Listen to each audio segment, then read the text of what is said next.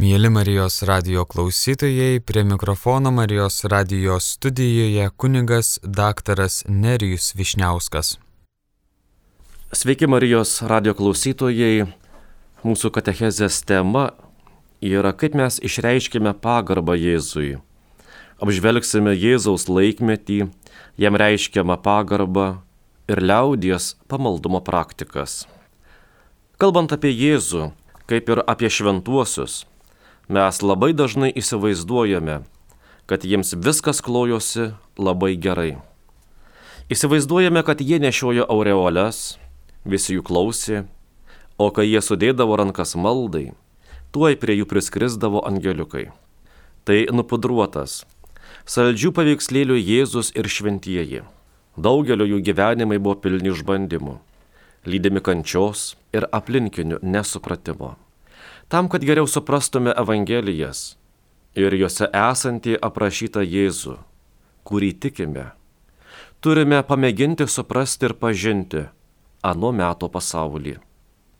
Nėra lengva įsivaizduoti pasaulį, kuriame apaštalavo Jėzus ir sąlygas, kuriomis evangelistai parašė savo evangelijas.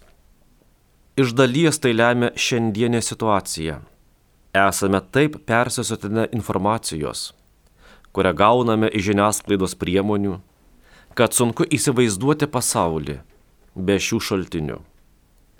Naujojo testamento laikais, ypač Galilėjos kaimo vietovėse, informacija būdavo perduodama iš lūpų į lūpas. Didžioji dauguma vyrų ir moterų buvo neišsilavinę, beraščiai arba vos raštingi ir šnekėjo tik savo tėvų kalba. Jie tuokdavosi su giminaičiais arba gentainiais ir pragyvendavo dirbdami iš kartos į kartą paveldimą žemę.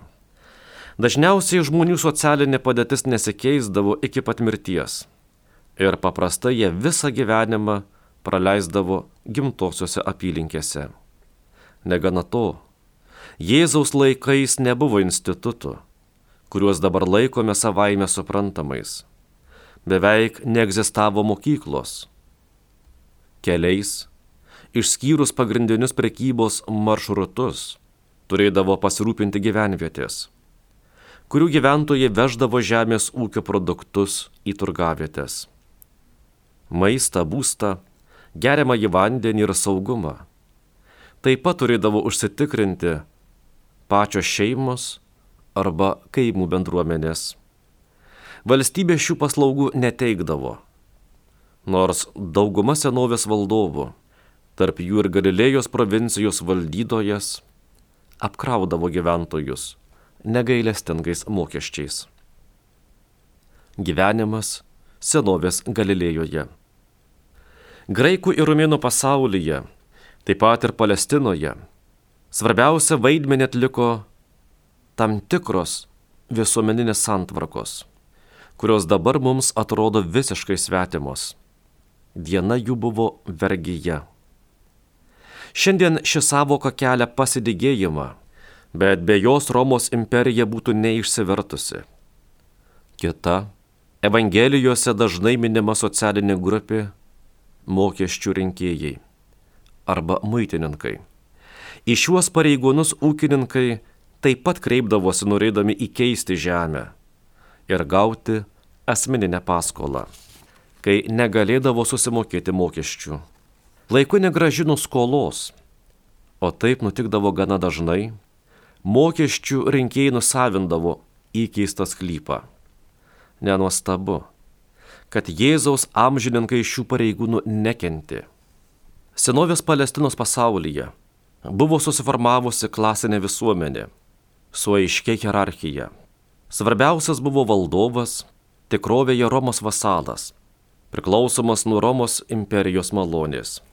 Jam buvo pavaldi negausi aristokratija, kuriai Jėzaus laikais priklausė didikai, susiję su senaja Hasmonijų dinastija. Ir naujieji žmonės, kurių turtą bei socialinę padėtį lėmė karaliaus Erodo ir jo sūnų užtarimas. Kita aristokratijos forma buvo su šventikla susijusių dvasininkų luomas. Jėzaus laikais Vyriausiai dvasininką skyrė romėnai, todėl daugelis žydų manė, kad jis vykdo Romos magistrato nurodymus. Prastesnė už aristokratiją buvo specialistų klasė. Tai raštingi, išsilavinę pasauliečiai. Apmokyti eiti tam tikras vietinės administracijos pareigas. Daugelis jų buvo fariziejai, anuomet įtakingos religinės grupuotės nariai. Galiausiai buvo valstiečių ir padienių darbininkų, bedarbių ir neįgaliųjų grupė, sudariusi didžiausią Galilėjos gyventojų dalį, tam tikrais skaičiavimais net 90 procentų. Taip atrodė visuomenė, kurioje klostėsi Jėzaus gyvenimas ir jo istorija. Kaip žinia, Birželio mėnuo yra skiriamas švenčiausios Jėzaus širdies garbinimui. Jėzaus širdis išreiškia neapsakomą žmogumi, tapusiu Dievo sūnaus meilę žmonijai. Kalbant apie švenčiausią Jėzaus širdį ir jai reiškiamą pagarbą, turime atminti, kad Jėzus per visą savo gyvenimą, savo agonijos ir kančios metu, mus visus ir kiekvieną atskirai pažinojo ir mylėjo ir atidavė save už kiekvieną iš mūsų. Dievo sūnus pamilo mane ir paukojo save už mane. Skaitome laiškę Galatams. Jis mylėjo mus visų žmogišką širdimi. Dėl to šventoji Jėzaus širdis, perverta mūsų nuodėmių ir dėl mūsų išganimo, yra laikoma ypatingų ženklų ir simbolių.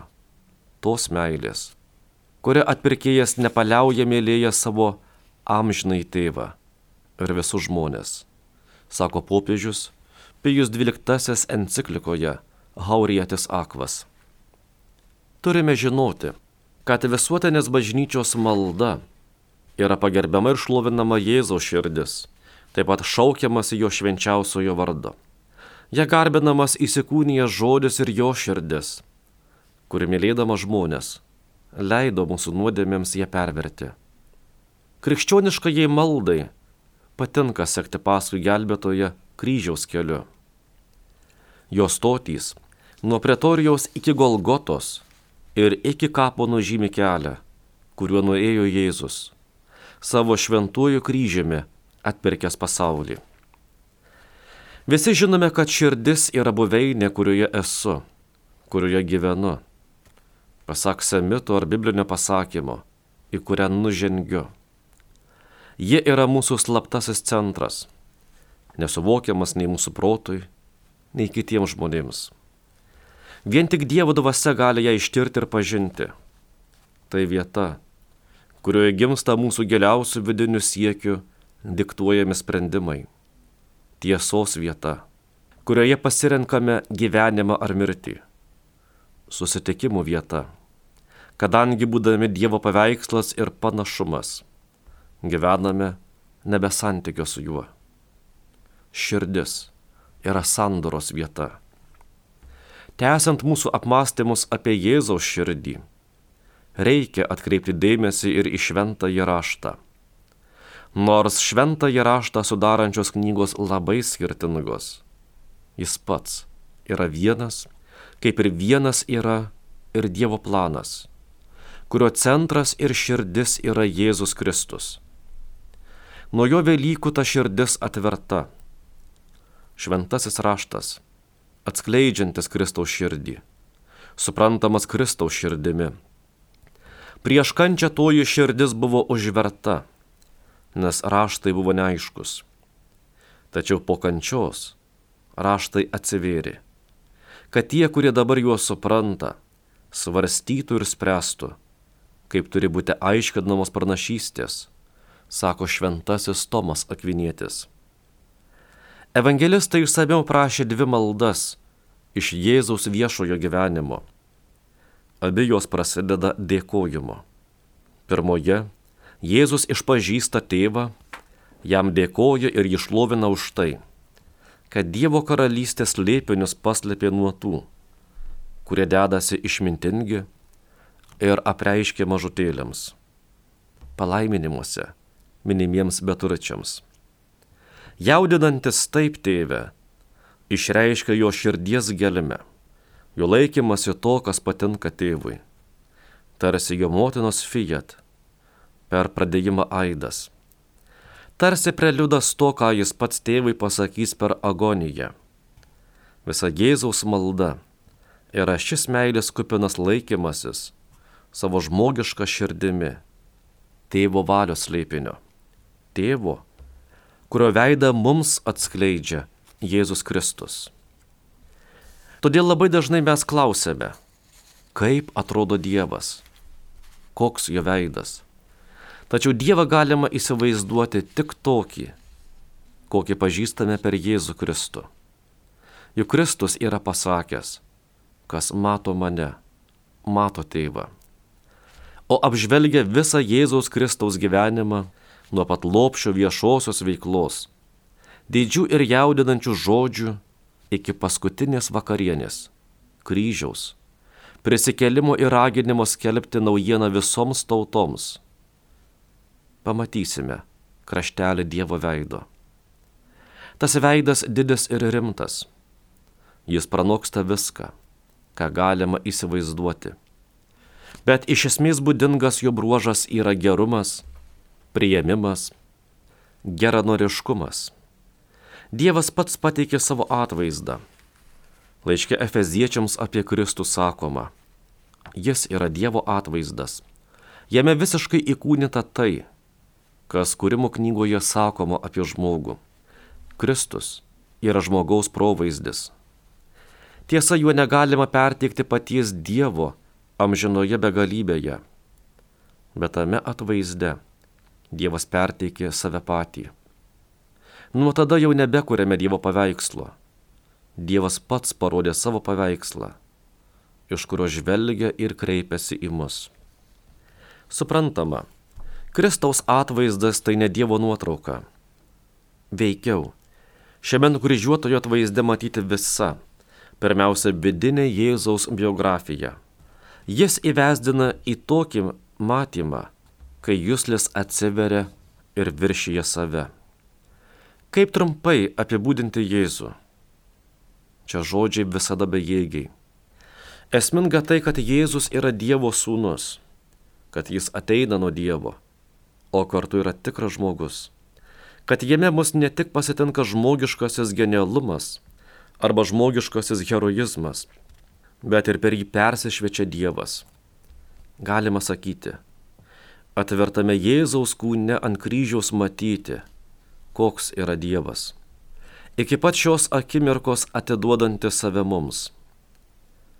Tačiau tai labai dažnai mes kasdienybėje pamirštame. Dabar susipažinsime su birželiniu pamaldų kilme ir istorija.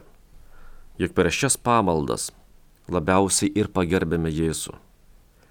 Birželinės pamaldos priskiriamos prie vasaros ciklo švenčių, kuriuose gausų liaudies pamaldumo praktikų, sudaro birželinės pamaldos, tėvo diena, Kristaus kūno ir kraujo devintinės, Šventojo Antano, kryžių kalno, švenčiausios mergelės Marijos emimo į dangų žolinės bei Šventojo Roko šventės. Kadangi jos vyksta vasarą, daugelis jų švenčiamos papildomai, apvaikštant kalvarijų kryžiaus kelius. Visas birželio mėnuo skiriamas švenčiausia Jėzaus širdžiai pagerbti. Katalikų liaudės pamaldumo praktikų gausų birželinėse pamaldose bei pirmąjį šio mėnesio sekmadienį, kai minima tėvo diena. Taip pat švenčiamos devintinis bei šventas Antanas. Birželio mėnesį baigėsi metinės kilnojamosios bažnytinės šventės. Nuo birželio 1 iki 30 dienos kasdien atliekamos tam tikros pamaldos. Bažnyčioje birželinės pamaldos atliekamos prieš šventasias mišes ar po jų arba kitų laiku. Jie sudaro žodžio liturgiją, švenčiausios Jėzaus širdies litaniją, žmonijos pasiaukojimo švenčiausia Jėzaus širdžiai aktas, Eucharistinis palaiminimas, giesmės, švenčiausios Jėzaus širdies garbiai. Šis maldingumas praktikuojamas ir namuose, prie švenčiausios Jėzaus širdies paveikslo. Gėdama ar kalbama švenčiausios Jėzaus širdies litanija, skaitoma pasiaukojimo malda, užbaigiama giesme švenčiausia Jėzaus širdie. Kilmė.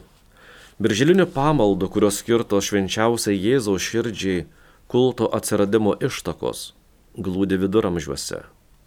Benediktinų ir cistersų vienuolynų kontemplatyvi, pamaldumą skatinanti aplinka buvo palanki pradėti garbinti švenčiausiąją Jėzaus širdį. Bažnyčios mokytojų, Pranciškono šventojo Bonaventūros ir Cisterso šventojo Bernardo Klerviečio 13 amžiaus pradžios teologiniuose ir mistiniuose veikaluose randame nemažai tekstų, kuriuos įkvėpia papamaldumas švenčiausiai Jėzaus širdžiai. Šventųjų Metildos ir Gertrūdos 13 amžiaus pabaiga. Mistinis gyvenimas paliko švenčiausiai Jėzaus širdžiai skirtų maldų ir praktikų. Nuo 13 iki 16 amžiaus Jėzaus širdies pamaldumas buvo praktikuojamas tik pranciškonų, domininkonų, kartūzų vienuolynuose ir asmeniškai. XVI amžiuje, kai buvo sukurtos specialios maldos ir dvasinės pratybos, švenčiausios Jėzaus širdies garbinimas tapo krikščionių asketiško gyvenimo praktika. Savo veikaluose tuo laikmečio jėzuitai, ypač ispanai, šiam pamaldumui suteikė teologinį pagrindą.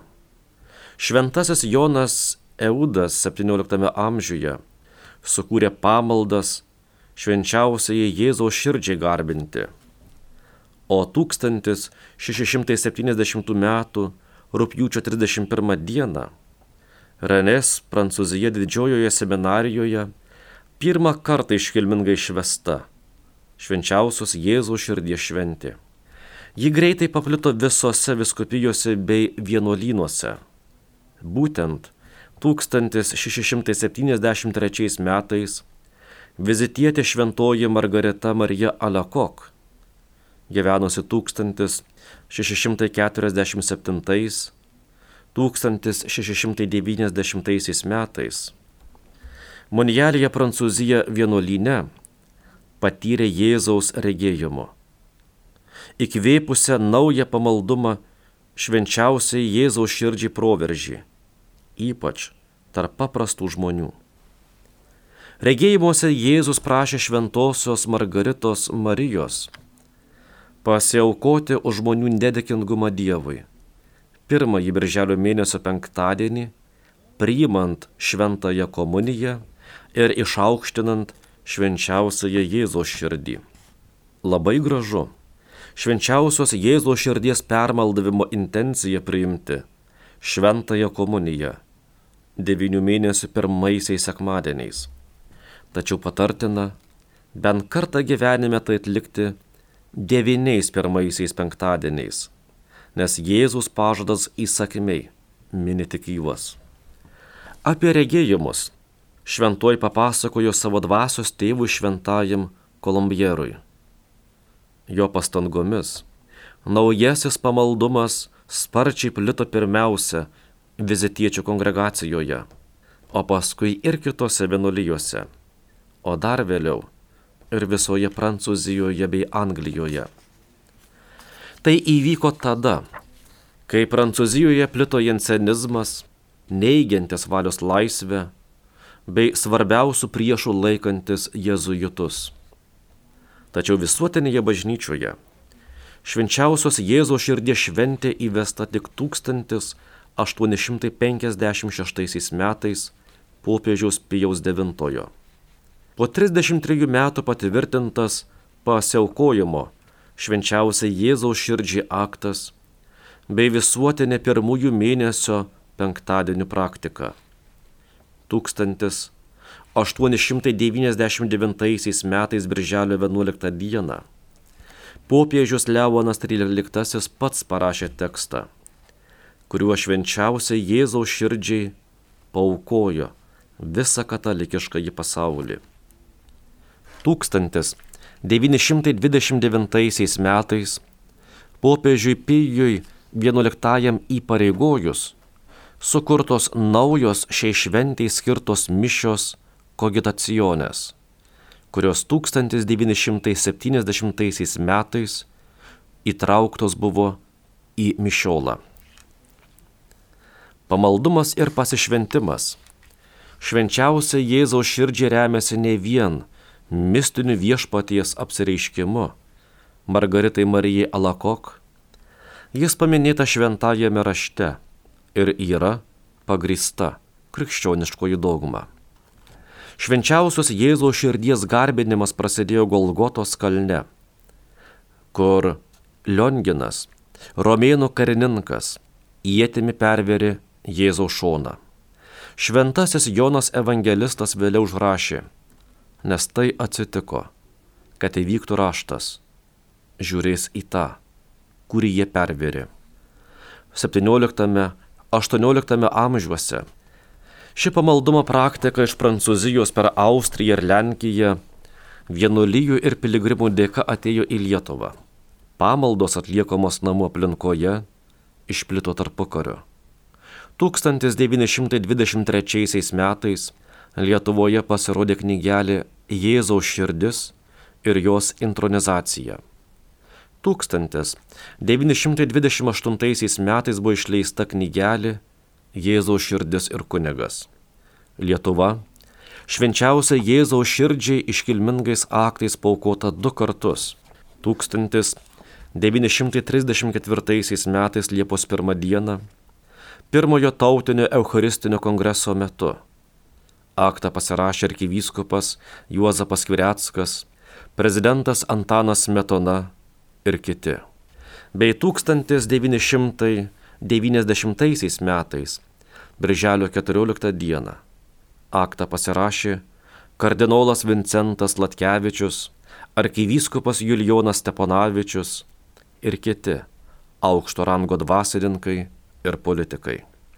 Po antrojo pasaulinio karo, sovietmečių, žmonės birželinės pamaldas dažniau atlikdavo namuose nei bažnyčioje jos vykdavo viename iš sodžių. Tokio sodžiaus arba jo tvoros vartai būdavo apkaišomi berželių šakomis, o kambaryje gėlėmis ir žolynais papuošiamas švenčiausios Jėzaus širdies paveikslas. Į šias pamaldas buvo kviečiama taip pat kaip į gegužines. Taigi įsidėmėkime, kad birželio mėnuo yra skirtas pagerbti pačią Jėzaus širdį. Jėzaus pačią esmę - Dievą, kuris yra tikroji realybė. Dažniausiai mes vaikštome pro šalį tos realybės. Mes taip užsėjame savimi ir rūpeščiais, kad Dievą pametame iš akių. Net imame galvoti, kad kasdienybė su savo problemomis - vienintelė realybė. Tačiau bet kokios realybės pagrindas - Dievas. Vien su Dievu pasilikti vien su Dievu viską planuoti, nuo visko kito pasitraukti, kad Dievas viską man jie galėtų apspręsti. Toks pagarbos Jėzui tikslas.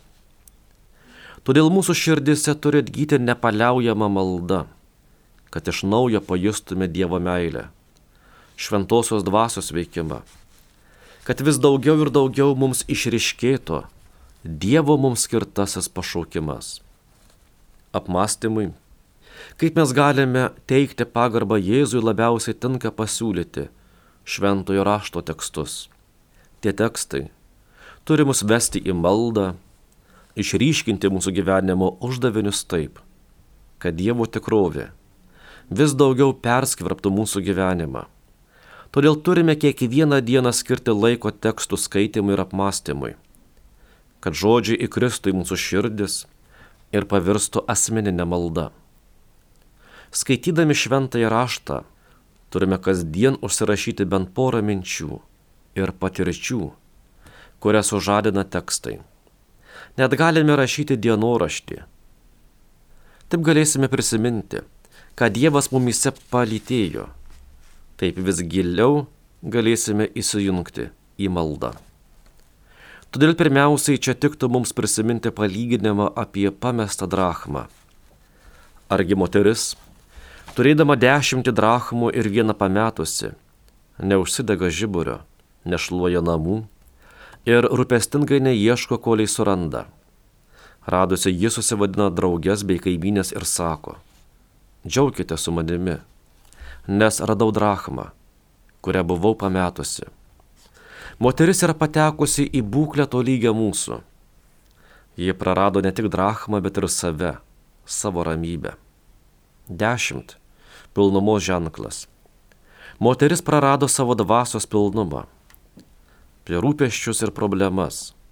Mes gana dažnai pametame iš akių savo širdį. Darome daug netgi šventų dalykų. Bet pametėme ryšį, tai susijęjantį su mūsų gyvenimu. Meldžiamės, einame į pamaldas, bet tai ne mūsų širdyje, tarsi ne mumise. Per savo neatidumą mes pametame tikrą save, sako Grigalis Nesėtis. Tad Jėzus iš mūsų ir reikalauja, kad mes imtume ieškoti Dievo paveikslo savyje. Pirmiausia, turime užsižiebti lempą. Turime pažvelgti į savo sielos bedugniai, savo dvasios tamsą, į visą tai, ką nustumėme į pasąmonę. Tam reikia išluoti visą namą. Jame susikopė daug dulkių ir purvo ir visiškai užnešė Dievo veidą. O gal brangiąją drachmą užspaudėme baldais, ta mums atrodančia tokia svarbia veikla. Taigi, Jėzaus pagarbos apmąstymas tai savo dvasios namų šlavimas, kad jame galėtų apsigyventi Dievas ir pats surastų pamestą brangenybę. O dabar pamėginkime visi kartu mintise nupiešti savo dvasios namą. Nesvarbu, kad galbūt ir negražiai piešiame. Tiesiog nubraižykime savo namą su visais aukštais ir kambariais. Kas ten rūsiuose? Ar yra patalpų, į kurias nebevaikštome, o gal į kai kurias tiesiog bijome įeiti? Gal ten nustumta daug tokių dalykų, kurie graužia ar net sprogdina namo pamatus. Kuriame kambaryje dažniausiai užsibūname, kur geriausia jaučiamės, kur kviečiate savo svečius, kur jūsų dvasios name šalta. Esate savo name šeimininkas ar tik nuomininkas. Gal kas nori mus išstumti iš, iš namo.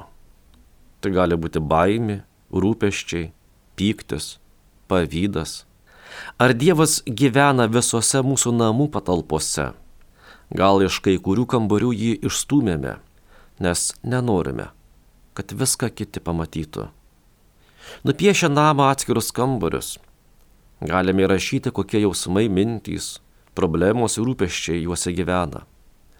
Ir tada paklauskime savęs, kur galėtų būti drachma, kur turėtume įsileisti Dievą kad jis parodytų drachmą. Vokiečių mystikas Jonas Tauleris mano, kad mūsų gyvenimo krizėse Dievas tiesiog trokšta į mūsų namą ateiti ir paieškoti prapuolusios drachmos. Jis kaip ta moteris nori stumdyti baldus, šluoti, gal drachma kaip tik ten, kur geriausia jaučiamės. Apžiūrėję visą namą su Dievu, pabandykime su juo pusvalandį garsiai pasikalbėti. Tiesiog paklauskime jo, ką jis apie tai galvoja. Sakykime jam viską, kas ateina į galvą. Ir vis klauskime, kokia svarbiausia mano gyvenimo tiesa, koks aš. Ypač reikėtų pasakyti Dievui, ką iki šiol vis lėpiau kur ypač turėčiau įsileisti Dievą, kad jis nušviestų savo šviesą. Garsiai kalbėkime pusę valandos. Net jei po dešimties minučių ir labai norėtųsi nutilti. Jei Dievo nejaučiame, tiesiai jam tai pasakykime.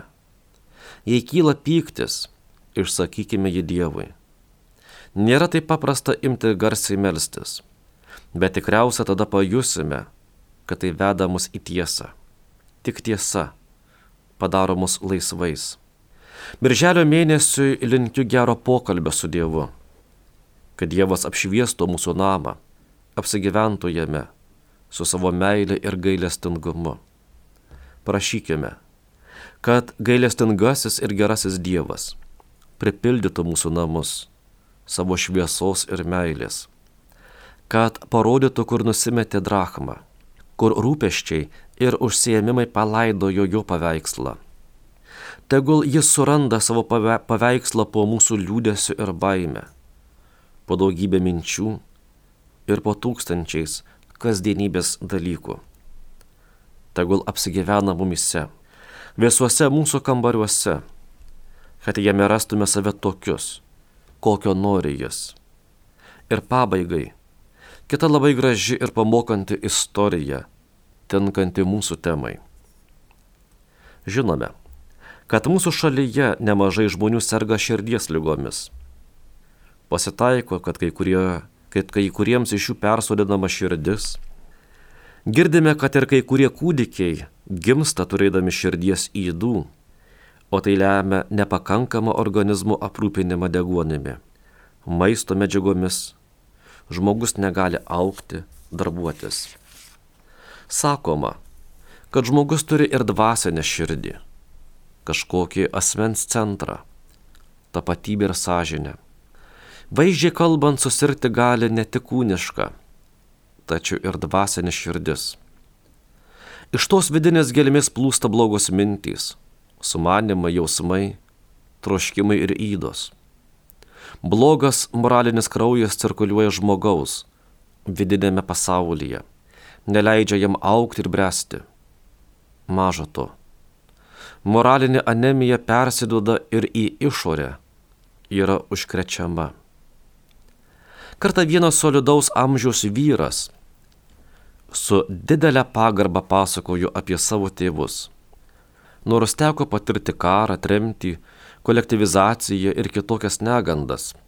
Niekada negirdėjau tėvų murmant, ko neveikiant, besidalinančius savo vargais ir nepasitenkinimais. Vaikai, pasimelskime ir dirbkime. Toks buvo paprasto valstiečio tėvo komentaras visų vargų akivaizdoje.